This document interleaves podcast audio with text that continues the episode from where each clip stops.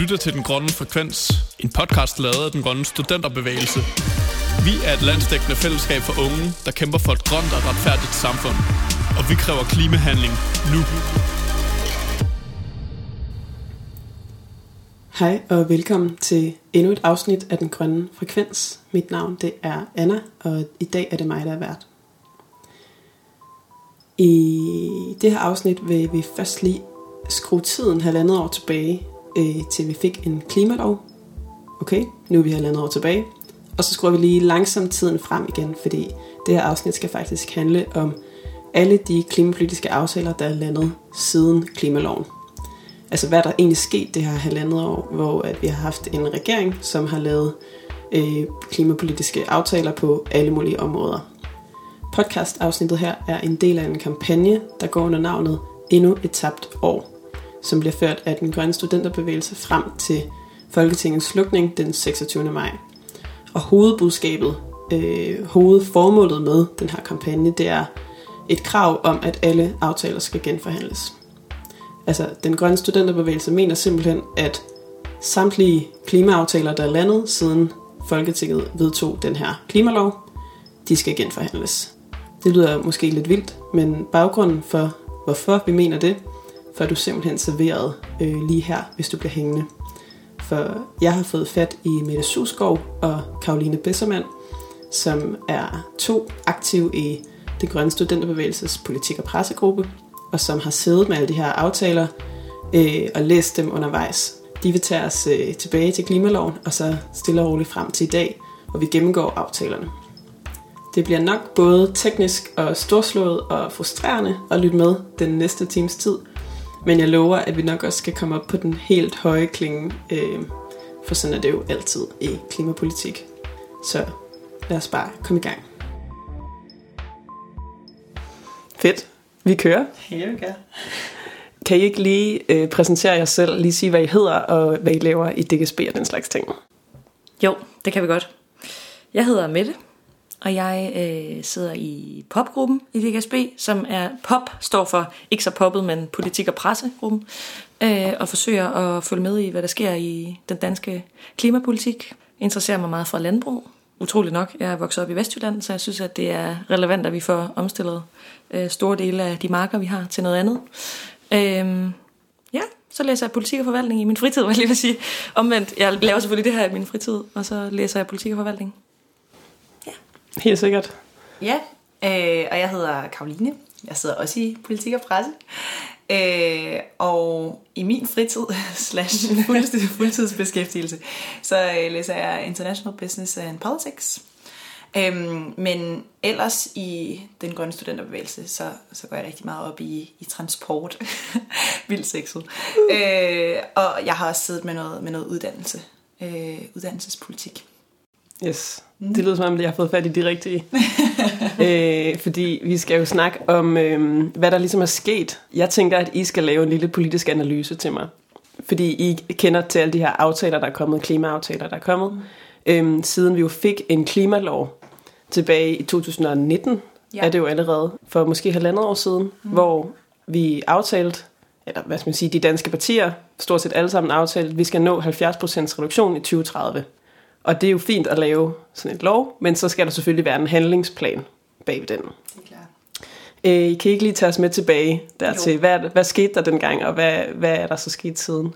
Det, der måske er vigtigt at sige, hvis vi skal prøve at følge den lidt kronologisk, er jo, at ja. det, der så skete lige efter, man havde vedtaget klimaloven, det var, at regeringen også nedsatte de her 13 klimapartnerskaber Ja. med mastodonter i industrien. Øh, og det er jo i og for sig okay, man skal også lytte til erhvervslivet, men øh, de, de tog bare, og så ventede de regeringen på, at de her klimapartnerskaber var kommet med deres anbefalinger. Og det ja. tog altså en rum tid, så her snakker vi fra efteråret 19 mm. til midt forår 20, Ja. hvor der vidderligt intet sker på klimafronten. Så klimapartnerskaberne, det er altså en form for øh, de store industrier i forskellige brancher, mm. som øh, får lov til at simpelthen lave anbefalinger til, hvordan skal man reducere i deres egen industri. Ja, Rigtigt. og der er rigtig mange gode ting i de her anbefalinger, fordi der er også mange, der vil sige, hvordan har I tænkt jer at lave en grøn omstilling, hvis I ikke har de største, hvad hedder sådan noget med, De har de største, ja, de har de største virksomheder, der inddrager de største øh, kroner til statskassen. Så man er også nødt til at tage de største virksomheder med på mm. råd og sige, sådan, hvad vil I kunne se, man kunne gøre? Mærsk er også kommet med nogle spændende tiltag på, hvordan man på en eller anden måde kan lave nogle, nogle vilde ting på havet, og med noget brint og alt muligt mm. ting. Øh, de forsker rigtig meget, og vil gerne selv med på den, fordi de kan også godt se, okay, øh, hvad, hvad, er der med vores, hvad sker der med vores virksomhed, hvis vi ikke kommer med på den grønne dagsorden? Det skal alle ligesom på en eller anden måde. Ja. Så det er rigtig godt at få virksomhederne med. Mm. Det er bare ikke så godt, hvis man kun tager det på deres præmis, som er, hvordan kan de tjene penge inden for det nuværende system. Så der gik vi ventet på dem. Og så øh, den, den første aftale, der lander, er øh, en affaldsaftale ja. i juni. Ja. Øh, hvilket affald er noget, som vi åbenbart i et ret udviklet land som Danmark ikke har formået at kunne koordinere på tværs af kommunegrænser i årtier. Øh, og det sagde regeringen, det skal vi selvfølgelig gøre op med. Øh, mm. Der var også noget med at skulle liberalisere nogle forbrændingsanlæg, og vi skal stadig importere mm. affald og sådan noget. Der var, der var en del, som var lidt sketchy i den der aftale, men man sagde det, mens vi vil prøve at standardisere på tværs af landet, hvordan vi sorterer vores affald. Um, og det kan jo sige, det er jo, det er jo godt, men det var også en aftale, som meget lagde det over på den enkelte borger at sige, hvis du bare sorterer dit affald lidt bedre, så kommer vi rigtig langt på klimadagsordenen. Og det er i og for sig ikke rigtigt. Ja. Fordi selvom vi alle affald sorterer til perfektion, så kommer vi ikke særlig langt reduktionsmæssigt. Og jeg tror også, altså jeg, jeg tænkte over det første gang, jeg så den der aftale, at det var jo et ret stort uh, setup af pressemøde, og med de altså ministre, uh, flere, altså sådan, flere forskellige ministre, både miljøminister og klimaminister og uh, en minister mere, tror jeg faktisk, mm. øh, som starter ud med at sige, at det her det er en rigtig god dag for klimaet. Mm. Altså det handler om, at de her aftaler, som vi kommer til at gennemgå nu, de alle sammen øh, tegner et billede, regeringen tegner et billede af, at det er rigtig, rigtig godt, og det er et langt stykke af vejen, og det er godt for klimaet. Øh, og det, det siger de lige meget, hvor mange reduktioner der er. Det siger de, om, om det er øh, en lille bitte my i havet, eller dråbe i havet, eller om det er øh, de store øh, CO2-reduktioner. Mm. Så det synes jeg bare, man skal have med for øje, at der er rigtig mange, der siger, at det er slet ikke godt nok, og så siger regeringen, det er rigtig godt, fordi vi gør noget. Mm. Øh, og det er bare en diskussion, vi skal have, når at man i 70% eller i 2030 skal reducere med 70%, at man ikke bare kan sige, at noget er en god dag for klimaet, eller er rigtig godt, eller et skridt i den rigtige retning. Mm. Fordi det aftale, den første aftale, der kommer, det er affald, hvor, hvor man kan se, okay, det, det er godt nok øh, meget minimalt øh, i reduktioner.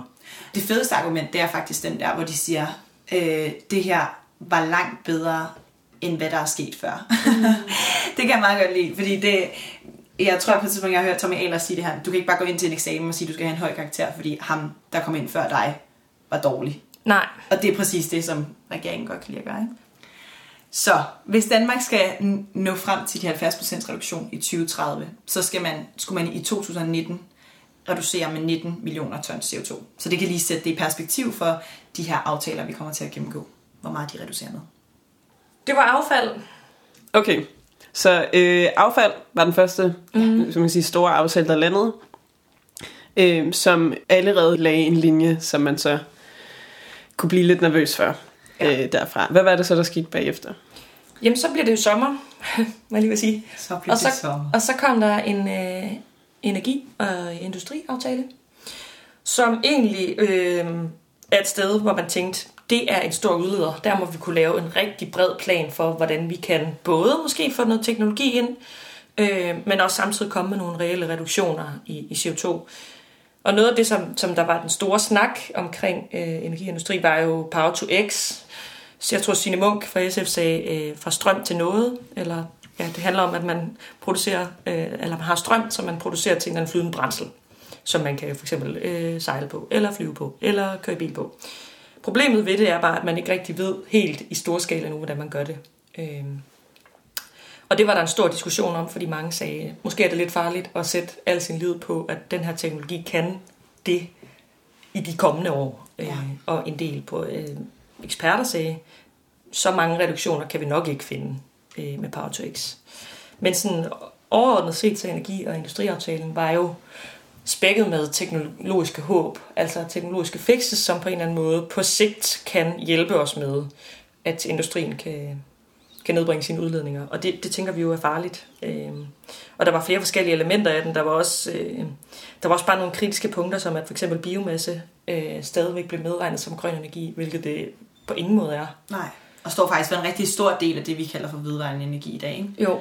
Biomasse er det træ, man brænder af for at skabe Ja. varme og el. Øh, og meget af det er importeret Ja. udefra.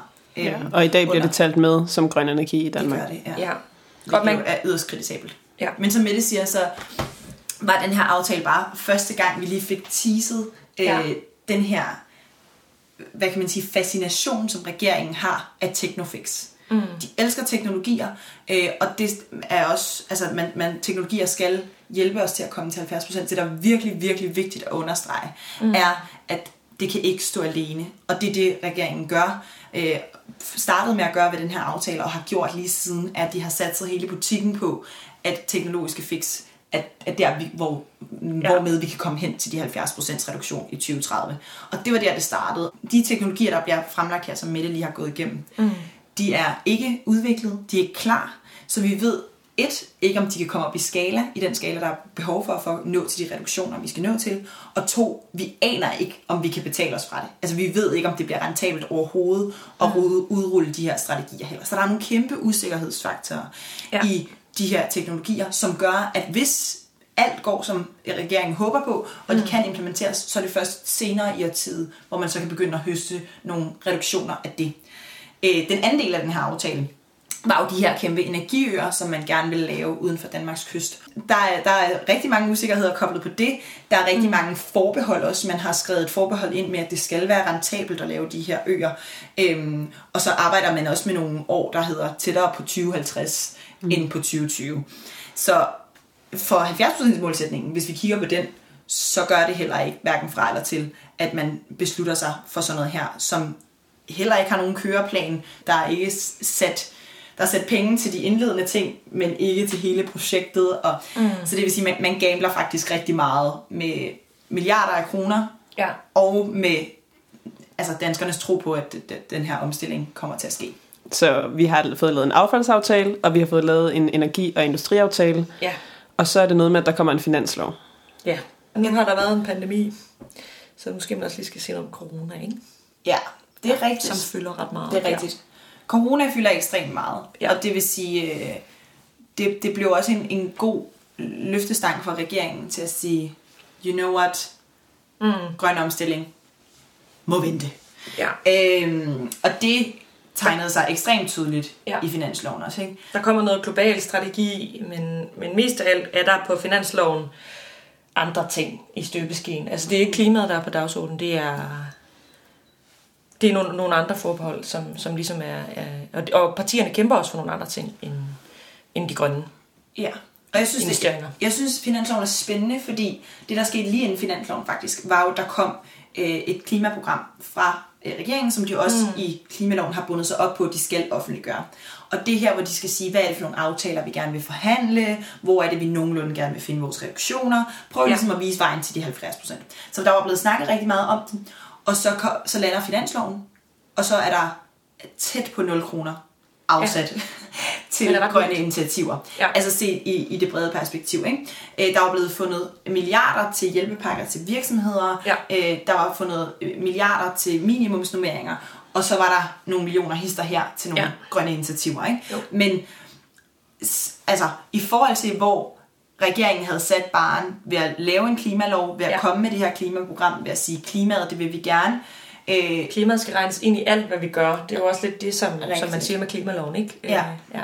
så, så faldt den her finanslov øh, og sagde, vi vil bare ikke finansiere det. Ja. Og de ting, som Mette så netop siger, som bliver finansieret, der er ikke nogen øh, hvad kan man sige, standarder, der er ikke nogen grønne modkrav til at sige, hvad, hvad, hvad vil vi gerne med statslige investeringer.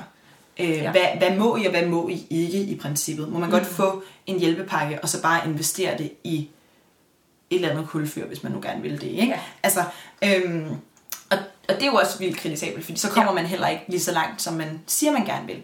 Så finansloven viste meget tydeligt, mm. synes jeg, at det var en kæmpe branding-strategi, som Socialdemokratiet havde gang i. Ikke? Ja. Og de lander aftaler, som det lige passer ind i hele deres øh, strategiske politiske spil i forhold til, hvem skal de lige gøre glade med noget bestemt. Øhm, fordi med finansloven, der har du altså også rigtig mange penge at rykke rundt med. Så det vil sige, Ja. mulighedsrummet var der til at afsætte nogle penge. Ikke? Det er jo på en måde starten på et efterår og på frem mod jul på, på, på et, en manifestation af, at man ikke har tænkt sig at gøre, lave de reelle reduktioner. Øh, fordi der i der kommer nogle ting lidt samtidig i december. Øh, der kommer både øh, Nordsø, stop for Nordsø, olie op af Nordsøen, ja. en skattereform og, øh, og transport i december, hvilket er nogle ret store ting. Det var en forfærdelig måned. Ja, det var det virkelig. Øh, fordi at Nordsø-olien øh, var rigtig mange, som så som lidt en sejr for klimabevægelsen og for, for grønne aktører, fordi at vi laver en slutdato. Vi er jo egentlig en olienation og har været det rigtig mange år. Øh, men sætter en slutdato for, hvornår vi må hæve olie op af Nordsøen. 2050. 2050, ja. Det er også lidt altså, opportun, når man skal være netto 0 på et tidspunkt, når man ikke skal udlede CO2 mere, så skal man selvfølgelig heller ikke hive olie op af Nordsøen. Det kan lyde lidt som en no-brainer. Mm. Og mange vil nok sige, lad os da stoppe nu, fordi den førende klimaforskning siger, at vi skal lade olien blive i jorden. Det er det eneste sted, det hører til. Øh, men man gør med den her aftale også at sikre, at man kan olieindvinde i 30 år endnu. Ikke? Ja, frem til 2050. Altså, og det man har set efterfølgende på bagkant af den her aftale, ja. er ikke, at, at folk trækker sig, Nej. men at aktiviteten og produktionen i Nordsøen rent faktisk er steget. Så det vil sige, mm. ikke nok med, at det er en symbolsk aftale, som man laver, fordi det danske olieeventyr økonomisk ja. var sagt på sit sidste vers, øh, og alle som i alle anbefalede, at man skulle gøre det. Det var en klar anbefaling fra ja. Klimarådet, der lavede en hel rapport om det. Ja. Øhm, og ja, fra alle, andre, alle mulige andre ekspertorganer ja. også sagde, det, det er rimelig tydeligt. Altså, ja. det, det er virkelig den lavest hængende frugt, det her. Ja. Så har man lavet en symbolsk aftale, men man har ikke engang gjort det ordentligt. Altså, man har ikke engang sagt, nu laver vi en aftale, som, som har en effekt. Præcis. Den lille effekt, som den så skal have. Ja. Fordi tingene bare fortsætter i 30 år, ikke? Ja, præcis. Mm. Jeg tror virkelig for mig, dråben var særligt øh, skattereformsaftalen. Altså det var virkelig den, det er det, jeg husker aller tydeligst fra at have været klimaaktivist de sidste to år, det var, at forud for den her øh, aftale, så talte man om, hvordan kan man ligesom reformere øh, skattesystemet, hvordan kan vi lave en, nogle afgifter, som afspejler det her princip om, at dem, der forurener mest eller udleder mest CO2, det er også dem, der skal betale for det. Mm. Øh, og så forud for det, så har man ligesom set i andre lande, for eksempel Sverige og Holland, som har lavet en eller anden form for gradvist stigende CO2-afgift, som siger, det er ikke fordi, at vi vil lave øh, afgifter på alt. Vi kommer til at slette nogle gamle afgifter på for eksempel el og nogle, mm. nogle, nogle afgifter som, og et afgiftssystem i Danmark, som er rigtig svært at forstå egentlig, også for mig. Mm. Øh, og så laver man en CO2-afgift, som siger, vi betaler for den udledning, øh, som vi laver. Så der sad vi inden forhandlingerne og tænkte, yes, nu skal vi dele med have en CO2-afgift, fordi ja. det Miljøøkonomiske Råd siger det, øh, Kraka siger det, der var sådan noget 25, det, ja, altså. alle mulige organisationer ude at sige, det er den mest omkostningseffektive måde at lave en reel omstilling af alle sektorer. Det er det bedste, man kan gøre, fordi mm. det viser for industrien en signalpris for, hvad skal det koste at udlede CO2 i fremtiden. Nej. Det giver de almindelige danskere muligheden for at gøre det rigtige mm. for klimaet til den rigtige pris. Altså det, det mest logiske, man kan gøre, det er at lave en CO2-afgift. Ja. Men det der så jeg lige vand, fucking sker i december, det er, at man kaster det til hjørne. Man siger, lad os lave et ekspertudvalg, som skal kigge på en CO2-afgift. I stedet for bare at indføre det, man allerede ved nu, man kan gøre, at lave en gradvis øh, indfasning af det. Mm. Altså det er sindssygt. Eller bare så fucking... pris. Ja, jo, jo. Hvis de havde sagt, vi kommer til at ende på øh, 1.500 kroner i 2030, ja. så havde industrien vidst det, og så ja. havde de sagt, godt nok, så er det det, vi forholder os til, og så begynder vi vores omstilling ja. separat. Det er det, der er så genialt med den afgift, ja. det er, at så kan de enkelte virksomheder sige, hvordan kan vi øh, starte med de billigste reduktioner, og, ja. så, og så gå derfra. Ikke? Ja. Men ikke engang det ville man gøre. Altså man havde ikke de der modeller klar. Man vil ikke sætte en signalpris, som Klimarådet siger. Det Nej. kan man sagtens gøre, der er intet problem i. Og man skal altså medgive, at politikerne siger, vi skal have en CO2-afgift. Det var også det første, Morten Bødskov, skatteminister, sagde. Vi skal have en CO2-afgift. Mm. Man har bare ikke tænkt sig at gøre det i tide. Og det er så der, det bliver rigtig dyrt for almindelige danskere om måske 5-6 år. Fordi der kommer ting til at være dyrere at reducere, end ja. hvis vi gjorde det nu. Eller hvis vi gjorde det bare et år eller to Forestil dig en gradvis øh, implementering, som du bare presser ned på færre år. Ikke? Ja, så det vil sige, det, det kommer langt hurtigere til at blive langt dyrere for den enkelte, og for ja. den enkelte borger den enkelte virksomhed, ja. at skulle omstille sig. Jeg, jeg kan huske, vores frustration gik jo også på, mm. at støttepartierne gik med på den her. Ja. Og de gik med på, ja, ja, lad os kalde det en grøn skattereform, som jo bare ja. er en erhvervsordning. Ja. Øh, ikke enhedslisten, men de to andre. Nej. Og øh, sagde, jamen, og så brugte det her argument med sådan, mm. det havde været langt værre, hvis vi ikke var med. Ja. Og så kiggede vi på aftaleteksten og sagde, hvordan kunne det have været langt værre? Altså jeg tror, at den vigtigste årsag til, at Socialdemokratiet øh, positionerer sig i, i den her sag, og ikke laver med det samme en, en ensartet CO2-afgift, det er fordi, at man også for eksempel med klimapartnerskaberne, der er altså noget industri, som tjener penge på, hvordan systemet er, mm. som de bare øh, holder rigtig mange møder med, og som vil synes, at en CO2-afgift er... Øh, Træls. Ja, er træls her nu. Altså, skal vi ikke lige se, om vi kan reducere CO2 med noget teknologi og nogle andre ting, før vi begynder at pille ved, øh, hvordan, vi, hvordan virksomhederne ser ud i dag? Jeg tror simpelthen, det, man må, øh, uden at sige, at alt øh, industri er sort, så må man altså bare huske på, at det vil være dyrt for dem også øh, mm. at omstille sig. Ja, og der måske vil være nogle øh, af de store meget fossiltunge industrier, som yeah. har svært ved at omstille sig Right. med, Ja, og en, de med en siger- ambitiøs CO2-afgift. Og det bedste argument i hele altså historien for sådan noget her, er jo, at så siger de store, tunge industrier i Danmark, som betaler rigtig meget skat, jamen så flytter vi bare til udlandet. Mm. Og det er det, man siger. Og det, og det kan man jo sige øh, fra nu til verdens ende, at man vil gøre. Men man skal huske på, at alle de andre lande skal jo også øh, reducere deres CO2-udledning. Ja. Så det, det er ikke rigtigt et argument for, at man flytter det sorte et andet sted hen. Jeg vil godt væde med, at det første, den, den kommission kommer ud med med CO2-afgifterne, de siger, at vi skulle være gået i gang for 10 år siden. Så det er bare sådan nogle, argumenterne er dårlige, og vi har simpelthen ikke tid til at vente på, at der kommer en kommission, som siger, at vi skulle mm. være gået i gang for 10 år siden. Altså det, er jo, det, er bare, det, det føles bare virkelig som en, en, en våd klud i ansigtet at få at vide. Vi venter lidt med det mest socialt ansvarlige og mest økonomisk effektive, ja. fordi at der er andre hensyn. Altså hensyn end hvad? Altså vi skal jo på en eller anden måde have lavet en grøn omstilling.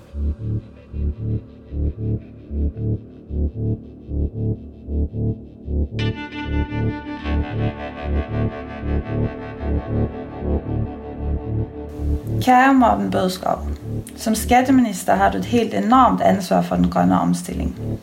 Af alle de klimaaftaler, I har lavet det sidste år, var den grønne skattereform det største, største klimasvigt. Ikke kun fordi den var katastrofal på klimaområdet, men mest af alt fordi den var helt ubegribelig. Den giver virkelig ingen mening. Ved at udlade en CO2-afgift gør I simpelthen bare den grønne omstilling dyrere, og det er ellers det argument, I plejer at bruge for at udsætte den grønne omstilling. I bliver nødt til at genforhandle aftalen. Hvis ikke er dette bare endnu et tabt år for klimaet, og tiden er i færd med at løbe fra os. Hilsen lærer. Kære Nikolaj Vammen, to år er der gået siden I vandt regeringsmagten. To år siden vælgerne gav deres mening til kende, og I kunne danne regering på et historisk grønt mandat. Men I har givet os tomme løfter. For de sidste to år har budt på utallige skuffelser, frygt og et kæmpe svigt. I siger, at den grønne omstilling ikke må gøre ondt. At den ikke må gå ud over økonomien. At den ikke må koste arbejdspladser.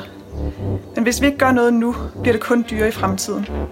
Og det må godt gøre lidt ondt nu, for alternativet er værre. Kære Nikolaj, forstår I vores bekymring, vores frygt? I har ikke givet os grund til håb, og vi venter stadig på, at løfter bliver til handling. Jeg håber, I snart vil forstå alvoren og lytte til os, til befolkningen. Hilsen Katrine.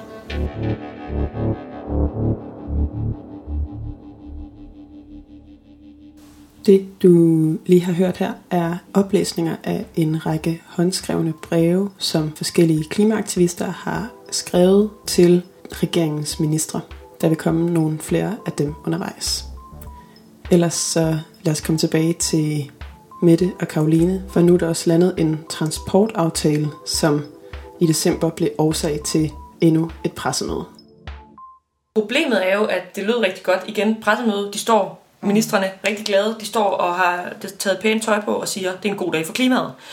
Men når de siger, at det er en god dag for klimaet, og vi får 775.000, 750.000 mm. nye elbiler, så er det også bare værd lige at tage med og være, have kritiske briller på og sige, hvad betyder det så for fossilbiler? Men det betyder faktisk, at vi får stadig flere, vi får endnu flere sorte biler. Mm. Det er jo helt vildt. I dag kører der 2,7 millioner biler rundt på de danske veje. Ja. Det forventer man kommer til at stige til 3,3 millioner biler i 2030. Så det vil sige, ja. at man sætter det her mål, som regeringen sætter, kommer ikke til at nedbringe antallet mm. Af fossilbiler. Det kommer ikke til at nedbringe antallet af biler overhovedet. Nej. Men, og det er næsten også, det kan få mit pis så meget i kog, er jo, de har sagt det her med, de har mm. stadig en ambition mm. om 1 million. Hvis du går ind og læser Ja. på ministeriets hjemmeside, så står der stadig 1 million elbiler. Det, Ja. ja. Men det er ikke det, de med den aftale sikrer. Det er ikke det, de sætter penge af til. Mm. Så den der million, det er en eller anden ja. fluffy ambition et eller andet sted, som de alligevel har været Ja. så frække at putte ind i deres Ja. ja. øh, tekst, som var den virkelighed. Og det, Ja, det er lidt det samme Okay. som at ville løbe et maraton, og så købe et par nye løbesko, men kun lige over at gå 5 km. Altså det er sådan helt, det, det er så langt væk fra, hvad man burde gøre. Ja. Ja, ja, også fordi det er, bare, det, det er selvfølgelig vigtigt, at vi får grønne biler på vejene, ja. Ja. men det er også virkelig vigtigt, at vi får nedbragt, hvor mange sorte biler vi har på vejene. præcis. Og det kan man snilt også gøre med, nogle, mm. med den her aftale. Kunne man sagtens have taget nogle værktøjer og gjort Ja. sådan, så vi fik reduceret bilmassen overall. Ja, Men det, men det gør de ikke. De, og de er også blevet spurgt flere gange direkte, skal der være mm. færre biler på de danske veje i 2030? Nej, det skal der ikke. Altså, Nej. det er jo der, vi starter, ikke? Ja, så det var en hård december, kan man sige, Ja. med, med det her. Øh, og jeg kan da i hvert fald huske, at vi tænkte, godt, men nu kommer Klimarådet og slår mig i hovedet Ja. i februar. Ikke? Fordi nu er der ligesom nogle aftaler, som er blevet indgået i løbet af 2020, og så i 2021, så skal vi altså have noget svar på, hvordan går det så? Klimarådet de laver en statusrapport, som det hedder, øh, som bliver udgivet i februar 2021, altså for bare egentlig nogle måneder siden. Øhm, hvad står der i den statusrapport? Jamen altså, først og fremmest stod der jo, altså som den overskyggende overskrift, at det er vurderingen, at regeringens samlede aftaler, klimaaftaler, de ikke anskueliggør 70% i 2030. Og der er brug for nye tiltag og initiativer. Ja. Bum. Øhm, Lad os ja. dvæle lidt ved den. Au, ah. Ja. Så siger Klimarådet, det er overhovedet ikke godt nok. De siger faktisk, at aftalerne de fylder kun en tredjedel. Så der mangler to tredjedele. Mm. Øh, og så siger regeringen, at vi har stadigvæk nogle aftaler. Vi har stadigvæk landbrug og infrastruktur og sådan noget. Vi skal lande. Men, Men- summa summarum er, at de har været, de har været igennem gang. rigtig mange Ja. af de her sektorer. Ikke? Jo. De har udtømt, eller har, har udtømt, hvad kan man sige, poolen af, hvad for nogle ja. sektorer, de kan lave aftaler på. Ja, Sådan så det, Ja. det faktum, at Klimarådet 1 siger, I har nået, vi kan vurdere, at I har mm. fundet en tredjedel af reduktionerne. Ikke at I er nået en tredjedel af vejen, det er også meget vigtigt, det understreger de, det siger Ja. regeringen hele tiden, det er ikke Ja. korrekt. nej. Øhm, men I også, man er ved at være løbet tør for muligheder, mm. hvormed man kan forhandle, ikke? så skal man til at genforhandle ja. nogle sektorer og sådan noget, og det, Det er ved vi godt kommer til at tage. Ja, ekstremt lang tid. ja. Så, Og så Klimarådet går jo også ind i det, som vi snakker om, det her med, at regeringen de ligesom baserer deres mål på uprøvede teknologier mm. i den skala, som man regner med, at de skal kunne reducere. Og det siger Klimarådet, det er altså kritisk, at man forventer det, og de savner simpelthen nogle konkrete tidsplaner og nogle konkrete rammer og virkemidler for, hvordan har I tænkt jer at gøre det her? ja. De gentager jo faktisk, de føler sig nødt til at gentage deres ja. anbefalinger fra ja. øh, rapporten, der kom året før, mm. som ligesom havde vist, hvordan kan man nå til 70% reduktion ja. med en god kombination af kendte virkemidler og også nogle nye teknologier. Ja, Og, og der, der siger de simpelthen igen, altså rigtig mange af de her lavt hængende frugter, mm. øhm, som er kendte virkemidler, har I ikke taget i brug? Nej. Hvad sker der for det? Mm. Så har de ligesom tilføjet en lille sektion af det. Ja. Øhm, og i forhold til det, du siger med netop det her technofix, eller den her fixering på Ja. ja. øh, uklare teknologier, der er den, øh, en ret sådan crazy graf øh, et sted i den her rapport, mm. som, som viser, at det er nogle søjler, der skal vise, hvor ligger reduktionspotentialet. Og så har Klimarådet ligesom inddelt øh, alt afhængig af, hvor sikre er de her reduktionspotentialer. Mm. Øh, så det her, som øh, regeringen godt kan lide at kalde sådan implementeringssporet, udviklingssporet, der har ligesom været sådan, okay, hvor sikre er vi? Og så ligger der nogle sådan få af de her 19 millioner tons øh, CO2-reduktioner, som vi har brug for, de Ja. ligger op i de sikre reduktioner, og så er der bare en kæmpe klods nede i den, altså, i den allermest usikre kategori i det her udviklingsspor, mm. som er der, hvor regeringen har sagt, at de gerne vil finde reduktioner. Hvilket bare Ja. understregede, Ja. at hvis man troede, at øh, regeringen sådan der Jamen, det, havde sat deres lid til Technofix, så havde Ja. man nærmest Ja. underestimeret, hvor meget af det, de egentlig havde sat op på Technofix. Øhm, og Ja. det, det synes jeg, Klimarådets rapport, det var bare, Ja. den var bare helt klar i mailet omkring. Netop det. det er så høj risiko, og det er kommer til at blive rigtig dyrt for os. Ja. Desværre. Det gør det.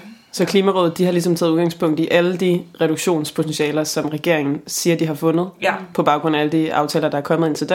Ja. Og så har inddelt det. Jeg har også set den graf, der de har farvet den rød. Det er meget pædagogisk. Mm. Ja. Alle de her teknologiske øh, Ja. ja. øh, idéer, de har, men som der jo ikke er plan, planer for eller noget. Nej. Dem kalder de øh, jo, som I siger, høj risiko. Ja.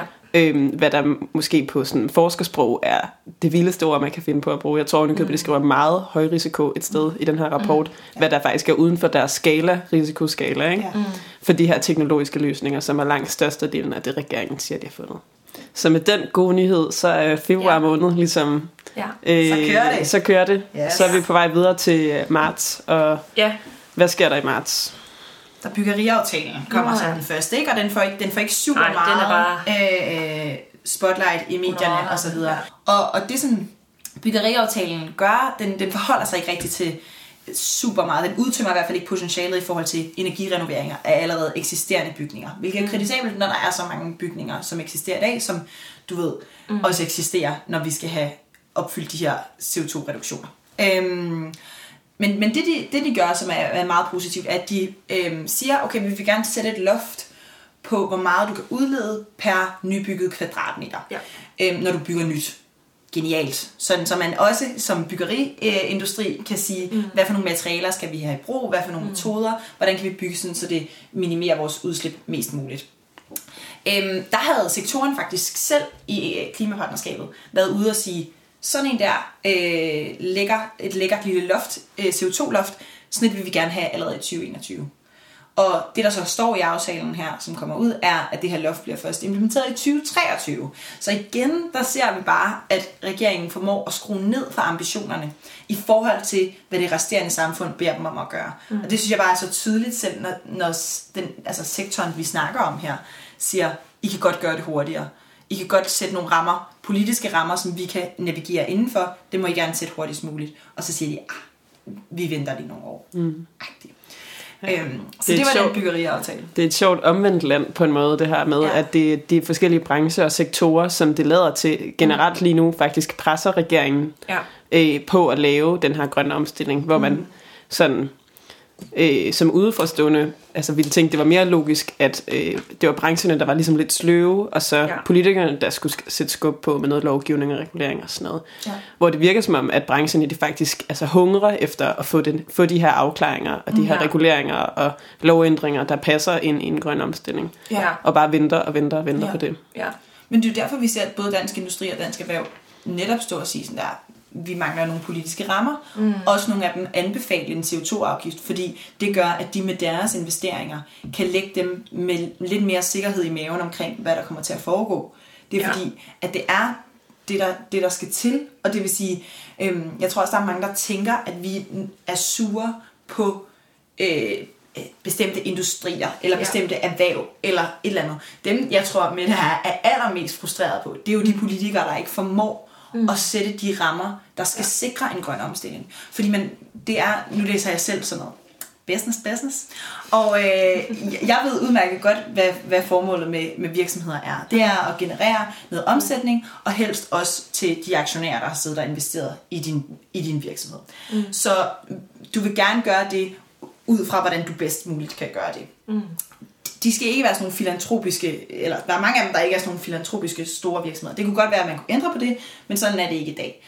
Øhm, og, og, men det har været en kendt markedsfejl siden the beginning of time, at man kan sige, markedet, som det ser ud i dag, kan ikke håndtere en klimakrise. Nej. De formår simpelthen ikke at omstille sig, sådan, så man kommer det i møde og kan accelerere en grøn omstilling. Det ligger ikke nødvendigvis hos markedet.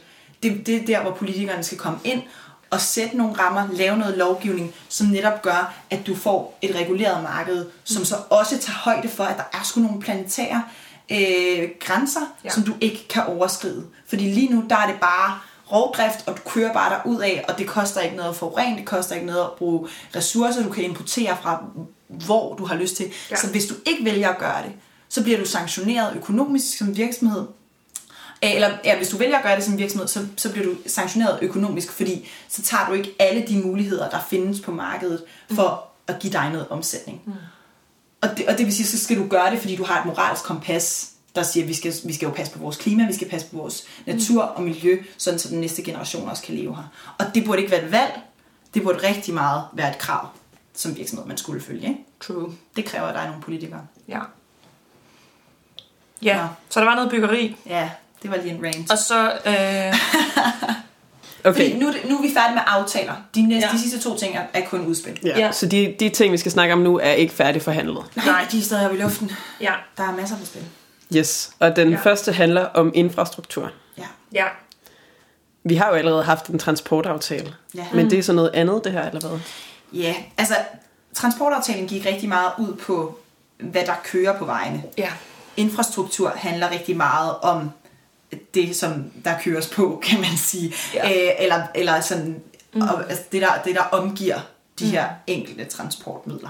Ja. Øhm, og der var fundet rigtig mange milliarder kroner til sådan et udspil der. Ja. Øh, 106 ja. milliarder til nye initiativer. 160 i alt, hvis man også medregner alt det vedligehold, der skal være på den infrastruktur, som vi allerede har i dag. Mm. 47 af dem, af de 106 her, de går til udbyggelse af nye motorveje. Ja. Og så tænker man lige, wow, her, hør, stop, hvad? Var det ikke noget med, at vi ikke havde så mange penge at flytte rundt med, og nu har I 47 milliarder til nye motorveje? Ja.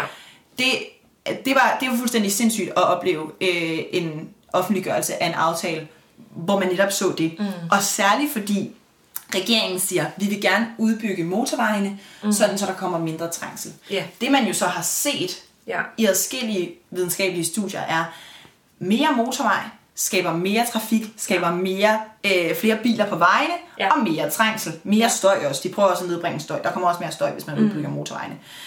Øh, så man sidder der og tænker, I bruger 47 milliarder på ikke at løse det, I gerne vil løse. Ja.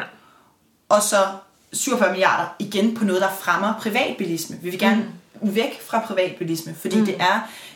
Altså, transportsektoren står for omkring en tredjedel af alle vores udledninger, mm. og rigtig meget af det kommer fra privatbilisme.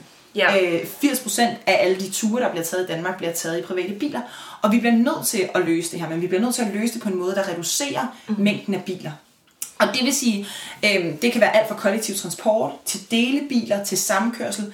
Og delebiler og samkørsel, der er jo ikke sat nogen penge af til det. Mm. Det, det er de ikke interesseret i at, at udforske som, som ting. Det er virkelig altså et, et motorvejsudspil. Det handler ikke særlig meget om grøn infrastruktur, som det burde handle om. Nej. Øh, ja, så det er bare, det, det føles virkelig som, som igen langt fra skiven af, hvad vi som unge mennesker kan se, hvad for, noget, hvad for en form for infrastruktur skal vi have i vores samfund. Ja. Vi bruger ikke mange penge på det. Ja, vi har også et, altså, der er langt imellem øh, nogle landdistrikter og til, ind til, til de lidt større byer, hvor folk arbejder og sådan noget. Mm. Der skal være styr på infrastrukturen, men hvis vi ikke på en eller anden måde får tænkt den grønne omstilling ind i vores måde at lave infrastruktur på, så bliver det bare Altså, så skal vi bare have flere. Altså, man har set i USA, altså, uh, one more lane will fix it. Mm. Altså, de har jo nu tit sådan 12 vejbaner eller sådan noget, og bilerne kører alligevel ja. Tæt, fordi altså, det gør ikke noget. Mm. Det gør bare, at der kommer flere biler. Så det er sådan en... Alle dem, der så øh, for eksempel havde kørt på andre veje før, eller havde Ja. kørt ud, uden for myldretiden, eller mm. havde måske overhovedet ikke behøvet at pendle, sætter sig jo så ud i sin bil, ikke? Jo.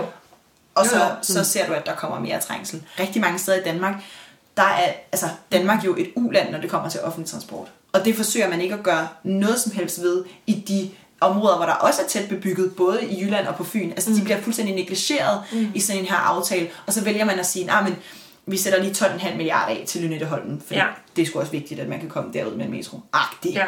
Øhm, og det kan man jo også blive frustreret over, at de så siger, jamen vi investerer også i kollektiv transport, men man gør det ikke så omfattende, Ja. at man vælger at sige, det skal også være en pålidelig løsning andre steder i landet, Nej. end bare København og omegn. Ej, som jyde kan man godt blive lidt skuffet over det her udspil, vil jeg sige. Ja. ja.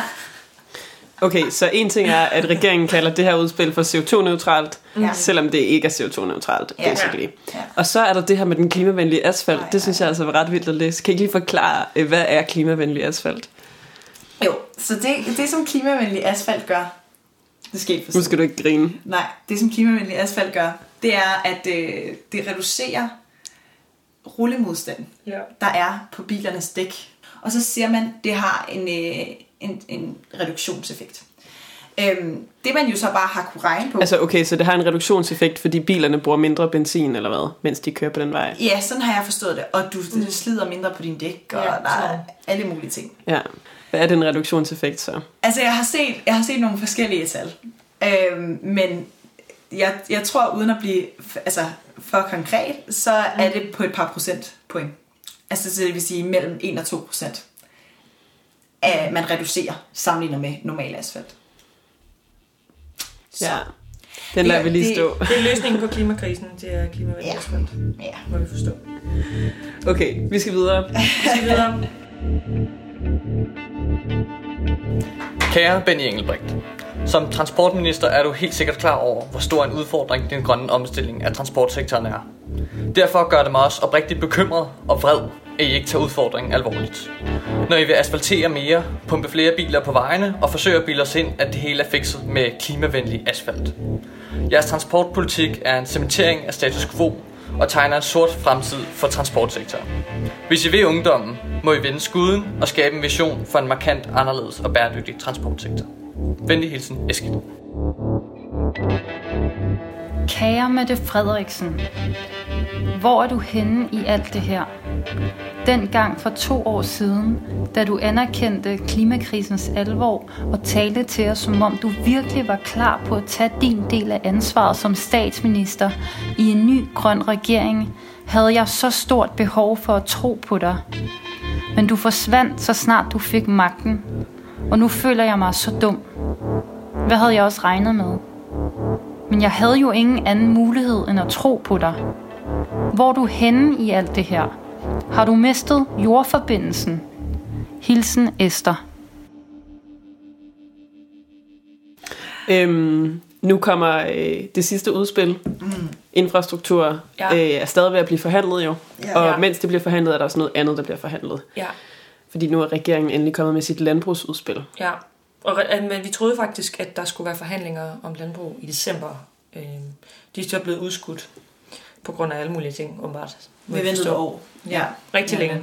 Fordi man kan sige, at landbruget er den sektor, som alle eksperter siger, det er den allersværeste at omstille. Og det er den, der kommer til at blive dyrest. Det er den, der på sin vis øh, kommer til at have flest øh, menneskelige omkostninger. Og øh, der er rigtig mange ting ved landbruget, som gør det rigtig bøvlet.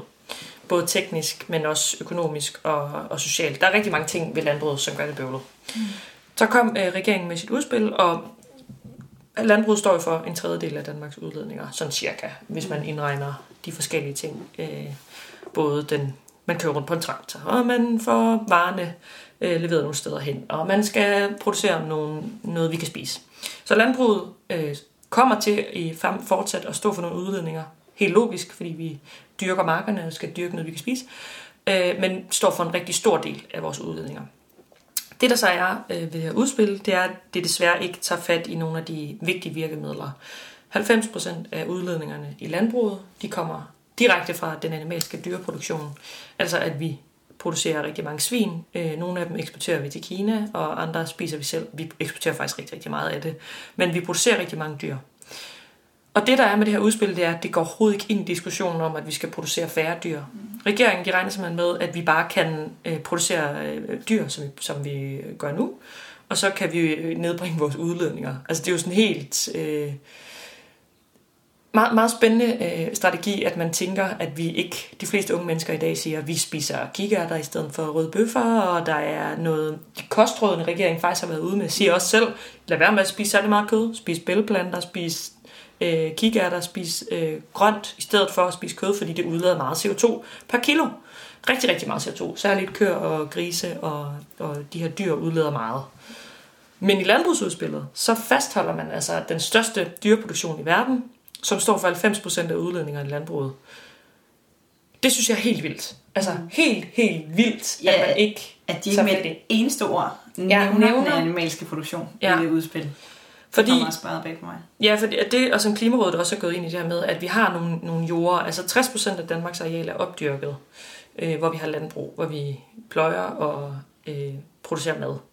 Øh, problemet er bare, at mange af de her jorder, de er blevet drænet, fordi man øh, tilbage for særligt øh, 100 år siden og frem til for 50 år siden, øh, ryddede nogle skovarealer, som man kunne dyrke på jorden. Mm. Øh, og i mange af de jorder, der har været små øh, åer og, og bække og, og, og vådlægning, simpelthen, altså vådt, fordi at det er, ligger lavere. Øh, og de her jorder, de har rigtig meget kulstof i sig, som er en vigtig ting øh, i naturlige og, øh, processer, at vi har det her kulstof. Men så når man har drænet de her jorder, så er der bare nogle jorder, som udleder meget mere CO2. Og dem skal man ligesom have tilbage, at man skal bare stoppe med at dræne dem, fordi der bliver drænet rigtig meget på, rundt omkring i Danmark. Nogle steder, hvor man mm, sætter store anlæg op for at, at pumpe, jorden, eller pumpe vandet ud, så man kan dyrke jorden. Mm. Men hvis man nu bare lå nogle af de der jorder passe sig selv, så vil det også binde rigtig meget CO2. Så, så det man ville gøre, det var, at man ville lade dem, de der kulstoffrie jorder, dem ville man øh, tage ud af, af landbrugsproduktionen. Øh, og det siger regeringen også, at det vil de gøre, men bare ikke i særlig stor skala. Altså vi snakker, Klimarådet siger, at det kan komme, det er nok op omkring 100.000 hektar. Øh, og det kommer til at koste mange penge. Altså det er dyrt, fordi det, det er jo nogle penge, som vi på en eller anden måde skal finde på samfundet, så vi kan købe dem fri af dem, som ejer jordene. Mm. Øh, og det er en, en teknisk svær ting at gøre. Øh, det de vil, det er, at de, de siger, at 1,6 øh, millioner øh, ton CO2 kan vi finde ved det blandt andet. Og ved at kigge på noget metan fra køerne, ved at måske give dem noget tang, lade dem spise noget tang, så de udleder mindre CO2. Øh, det er også ret vildt. Øh, men det, der så også er ret vildt i det her udspil, det er, at de siger, at de kan finde over 5 millioner ton. Altså 5 millioner ton, det er virkelig, virkelig meget. Fra pyrolyse, ja. øh, som igen er helt vanvittigt teknologisk svært. Øh, uprøvet teknologi, som man ikke ved, om der virker i den her skala. Mm. Måske man bare kunne have sagt, at hele landbrugets udledninger kunne... Øh, hvis, hvis man regner med, at de kan reducere med 5 millioner ton, så kunne man jo bare sige hele, hele landbrugets udledning, fordi det lyder jo simpelthen så godt, mm. at man kan finde 5 millioner ton med det. Mm. Så hvorfor gør man ikke bare endnu større og sige 10 millioner ton, eller 20 millioner ton, eller hvor meget? Altså det, det for mig det er det helt... Altså, det, det går slet ikke ind i diskussionen om, at landbrug står for en tredjedel af udledningerne, særligt fordi vi har rigtig mange dyr, fordi vi, vi dyrker jorden over, at 60% af Danmarks areal er dyrket. Ja. Det går vi slet ikke ind i. Vi går bare ind i nogle, sådan nogle tekniske, lad os lige i overfladen, lad være med at pløje jorden, og lad os i overfladen gøre nogle ting, som løser problemer. Mm. Hvis vi kunne det, så havde vi gjort det for 20 år siden. Vi har mm. altid vidst, at køer udleder meget metan. Vi har altid vidst, at de her problemer. Vi har bare igen, igen, igen set, hvordan at man tænker, at teknologi kan løse en så gennemgribende, gennemgribende øh, problem, som landbruget er i en grønne omstilling. Mm. Og, det, og det, altså, det er virkelig, virkelig vildt, synes jeg, at man ikke går ind i, i nogle af de der vigtige ting, som at sørge for, at vi i Danmark producerer mad til mennesker, altså almindelig øh, klimavenlig sund mad til danskerne, som består af hovedsageligt grøntsager, men måske også øh, øh, nogle forskellige typer fisk og noget kød, som ikke udleder lige så meget CO2. Men det gør man ikke. Man går ikke ind i de vigtige diskussioner. Man tager bare overfladebilledet og tænker, at teknologi øh, skal løse det. Ja, det er teknofixet fra tidligere, ikke? Ja. Der kommer tilbage endnu hårdere mm. i anden runde. Og ja. så siger vi, kan I huske alle de teknologier, som vi gerne ville have fundet, som Klimarådet ja. sagde, øh, det kunne være fedt, hvis I ikke satte så hårdt på, altså på teknologier i forhold til, hvor meget ja. I gerne vil reducere med dem, og havde nogle konkrete køreplaner og strategier for, hvordan I vil udrulle dem. Ja. I, kan I huske at gøre det, så siger regeringen, ja, det skal vi nok huske, og handlepligten træder i kraft, og alle de her ting.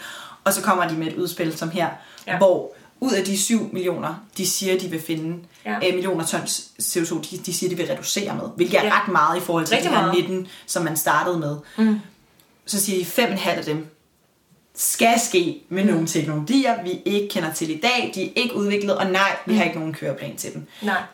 Og så udover det, så siger man, at man gerne vil udtage nogle lavbundsjord, mm. som, hvor man også har reduceret på ambitionen for dem, fordi mm. der har øh, altså Landbrug Fødevare selv, som jo i og for sig er ret konservativ, når det kommer til mm. landbruget. Ja. De har sammen med Dansk Naturfredningsforening været ude og sige, at I kan, altså 100.000 der, hvor vi skal lande. Mm. Og så siger regeringen, at den, den ambition skruer vi lige lidt ned for. Ikke? Ja. Så de ender på sådan noget 88.500 ja. øh, hektar lavbundsjord, man udtager. Mm. Så, så den, der, mm. bliver ikke, der bliver ikke taget fat i de rigtige ting her. Mm. Øh, der bliver igen satset milliarder af kroner mm. på, på, at teknologien som enes, næsten enestående værktøj skal komme ind og redde os. Mm. At der er en, en, en eller anden pyrolyse-maskine, der kommer ind øh, af døren en dag og siger, mm. you know what, jeg skal nok gøre den her husdyrsproduktion grøn. Mm. Hvilket ikke kan lade sig gøre. Eller sådan, og så hører man nogle andre partier være sådan, om vi skal også udtage noget til fri natur, om vi skal også være plantebaseret. Det bliver, mm. Hvis du gerne vil det, så bliver du nødt til at kigge på den animalske produktion. Ja. Du kan ikke Men også fordi, det, hele. det, også, det bliver, igen, det bliver sindssygt dyrt, hvis vi ikke gør det, fordi resten af verden ved også godt, at vi skal levere på den grønne omstilling. Vi skal omstille vores samfund. Og vi kommer ikke til at spise så meget kød, som vi producerer i Danmark i fremtiden. Det gør vi ikke. Det siger mm. FN, det siger alle de store, de siger, at vi skal spise øh, overvejende plantebaseret. Mm. Fint nok spise noget kød, måske den dag betale en pris for det, mm. som en CO2-afgift vil sikre. Ikke? Altså landbruget kunne omstilles, hvis man lavede en CO2-afgift. Det ville gøre, at dem, der udledte mest CO2, de var nødt til at omstille sig og måske producere nogle flere ting. I stedet for kun at grise, så ville man også skulle have nogle andre ting. Mm. Det, gjorde vi, det med CO2-afgiften, det gad øh, regeringen ikke, øh, måske på et tidspunkt, men så, så må vi jo kigge på, hvad vi ellers skulle gøre ved landbruget. Mm. Det var at kigge på den animalske produktion. Mm. Sikre, at vi får flere øh, plantealternativer ind i, i større skala. Sikre en køreplan for, at man ligesom begynder at producere de ting, som der også kommer højere og højere øh, efterspørgsel på globalt. Ja. vi skal jo brødføde en fortsat stigende befolkning. Og, det, mm. og, og hvad kan man sige, den animalske produktion er sindssygt pladskrævende og ja. sindssygt ressourcekrævende. Ja. Og det vil sige, man kan brødføde millioner, ja. øh, om ikke milliarder af flere mennesker, hvis man mm. gør det, som, hvor det ikke er, hvor hovedkomponenten i vores mad ikke er, øh, hvad kan man Ja, sige, animalsk kød. Ja. ja. Og det, det er jo ikke, jeg tror også, der er rigtig mange, der tænker sådan, Nå, men de vil bare gerne gøre, at vi alle sammen er, er veganere i morgen og sådan der. Og, og, og der tror jeg også lige, man skal sige, hør hov, det er ikke, sådan, ja. det er ikke den type animalsk produktion, vi har i Danmark. Nej. Hvis vi halverer mm. den animalske produktion i Danmark, sådan som vi har lagt op til i den grønne studenterbevægelse, ja. så er der meget lidt Ja. i den danske køledisk, der kommer til at ændre sig. Mm. Fordi faktum er, at vi lige nu bare forsyner alle mulige andre lande mm. med sindssygt billigt kød. Ja. Og når, når det danske landbrug i dag økonomisk ikke kan understøtte sig selv, mm. når der er kæmpe gæld, og når det er det mest subsidierede mm. erhverv i Danmark, så, så nytter det bare ikke noget, at vi bliver ved med at gå ned ad en retning, som Nej. vi godt ved skal slutte på et tidspunkt. Nej. Så, Præcis. så sådan, hvis der kommer så meget, når der kommer så meget statsstøtte, både fra EU, men også fra vores egen regering, til ja. landmænd, så er det også klart, at så må man have et say i, hvordan formår vi at skabe et landbrug, mm. som er vedvarende og bæredygtigt, og som også eksisterer om, om 20, 30, 40 år, Ja. øh, og som ikke udleder så meget, som det gør i dag. Og man kan også sige, at landbruget er bare øh, et vildt... Altså, det, det er fordi, de, de andre aftaler, vi ligesom har været omkring, anerkender jo også... Altså, vi anerkender, at vi skal have grønne biler. Vi anerkender, at vi på et tidspunkt skal have en CO2-afgift. Men på landbruget, der anerkender vi bare ikke, at det store problem er den animalske produktion. Mm. Det, det er slet ikke sådan anerkendt. Det er virkelig reaktionært at sige, at vi fortsætter et øh, naturskadeligt, klimaskadeligt erhverv. Ikke noget ondt om landbrugere, jeg kan godt lide dem. Det er, ikke, det er ikke det. Men det er jo helt vildt, at man ikke anerkender, at det skal ændres. Mm. Fordi det, det anerkender man ah, faktisk, det må man sige, det må give regeringen, at de anerkender i de fleste af de andre sektorer, at vi skal gøre noget anderledes, end vi gør i dag. Det gør man simpelthen bare ikke på landbruget.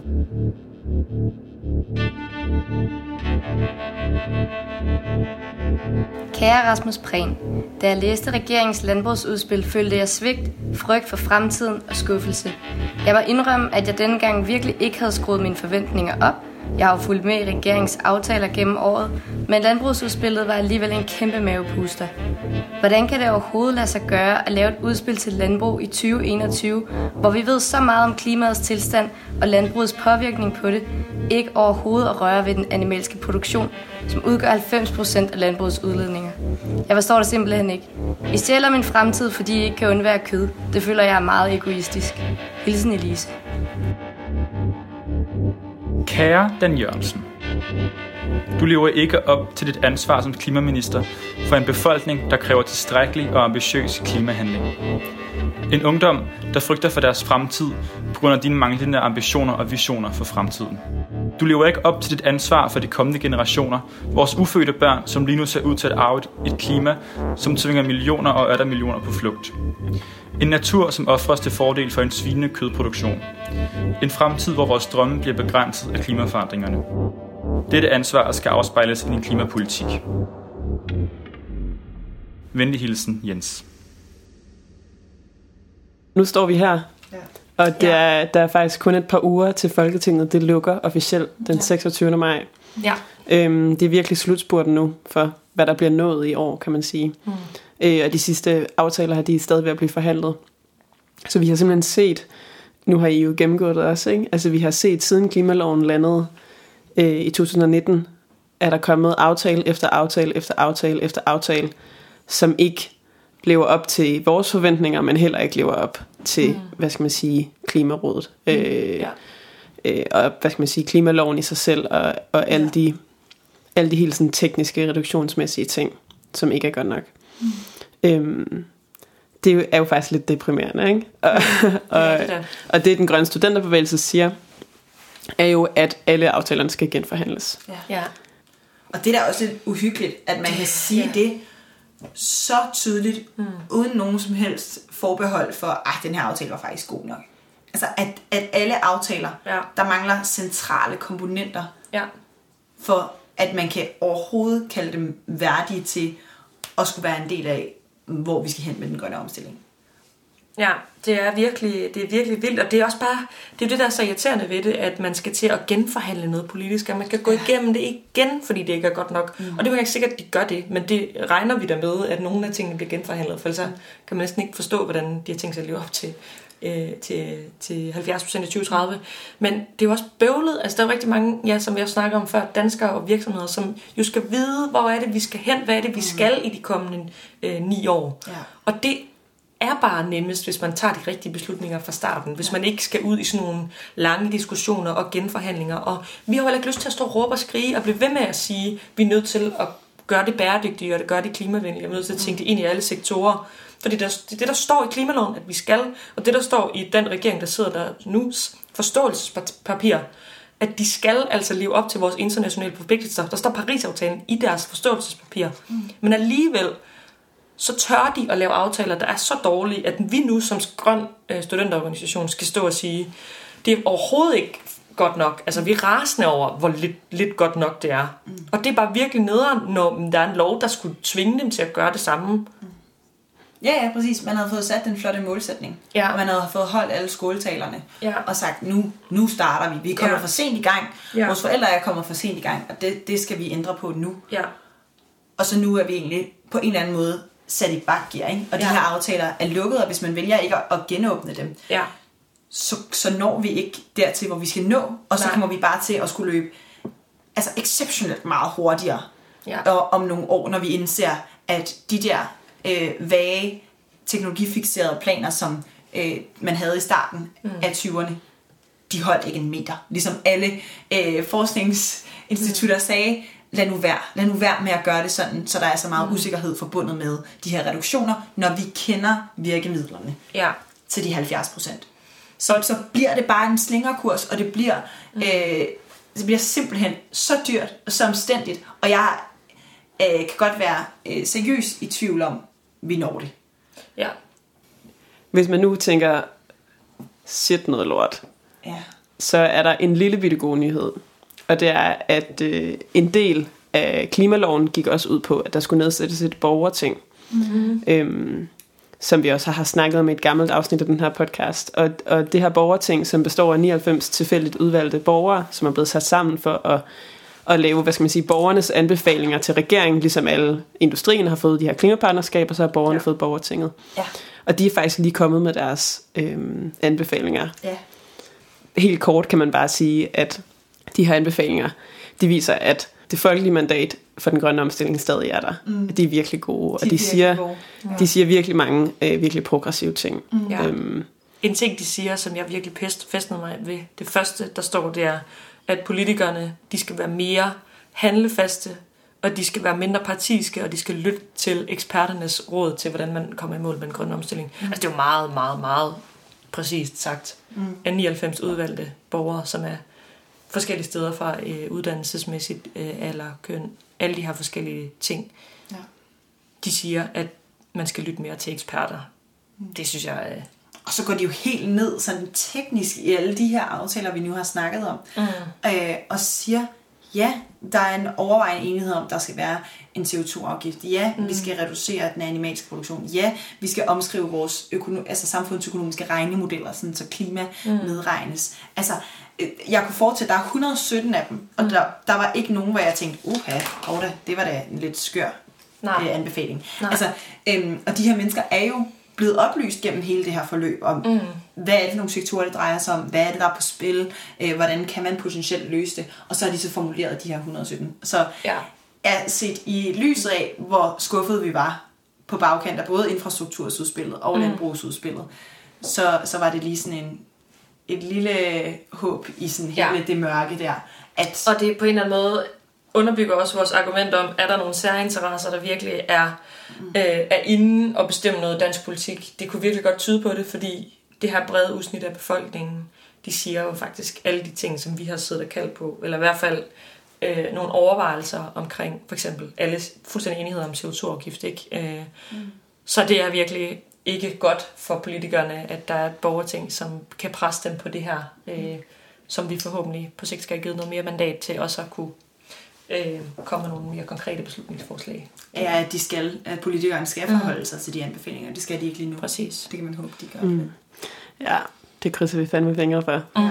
Øh, tusind tak til jer begge to, fordi I lige ville stille op her og, øh, og komme med en lille øh, politisk analyse af situationen og forklare, hvorfor den grønne studenterbevægelse nu kræver, at alle aftalerne skal genforhandles.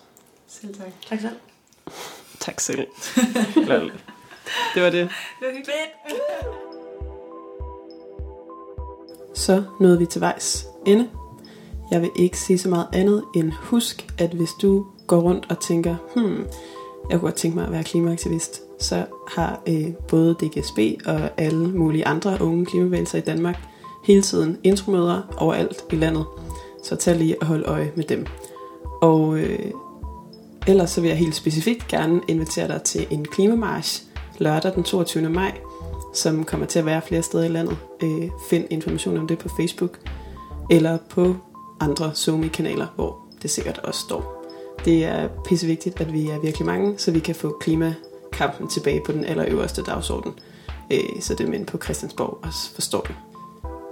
Tusind tak, fordi du lyttede med, og vi hører snart ved igen.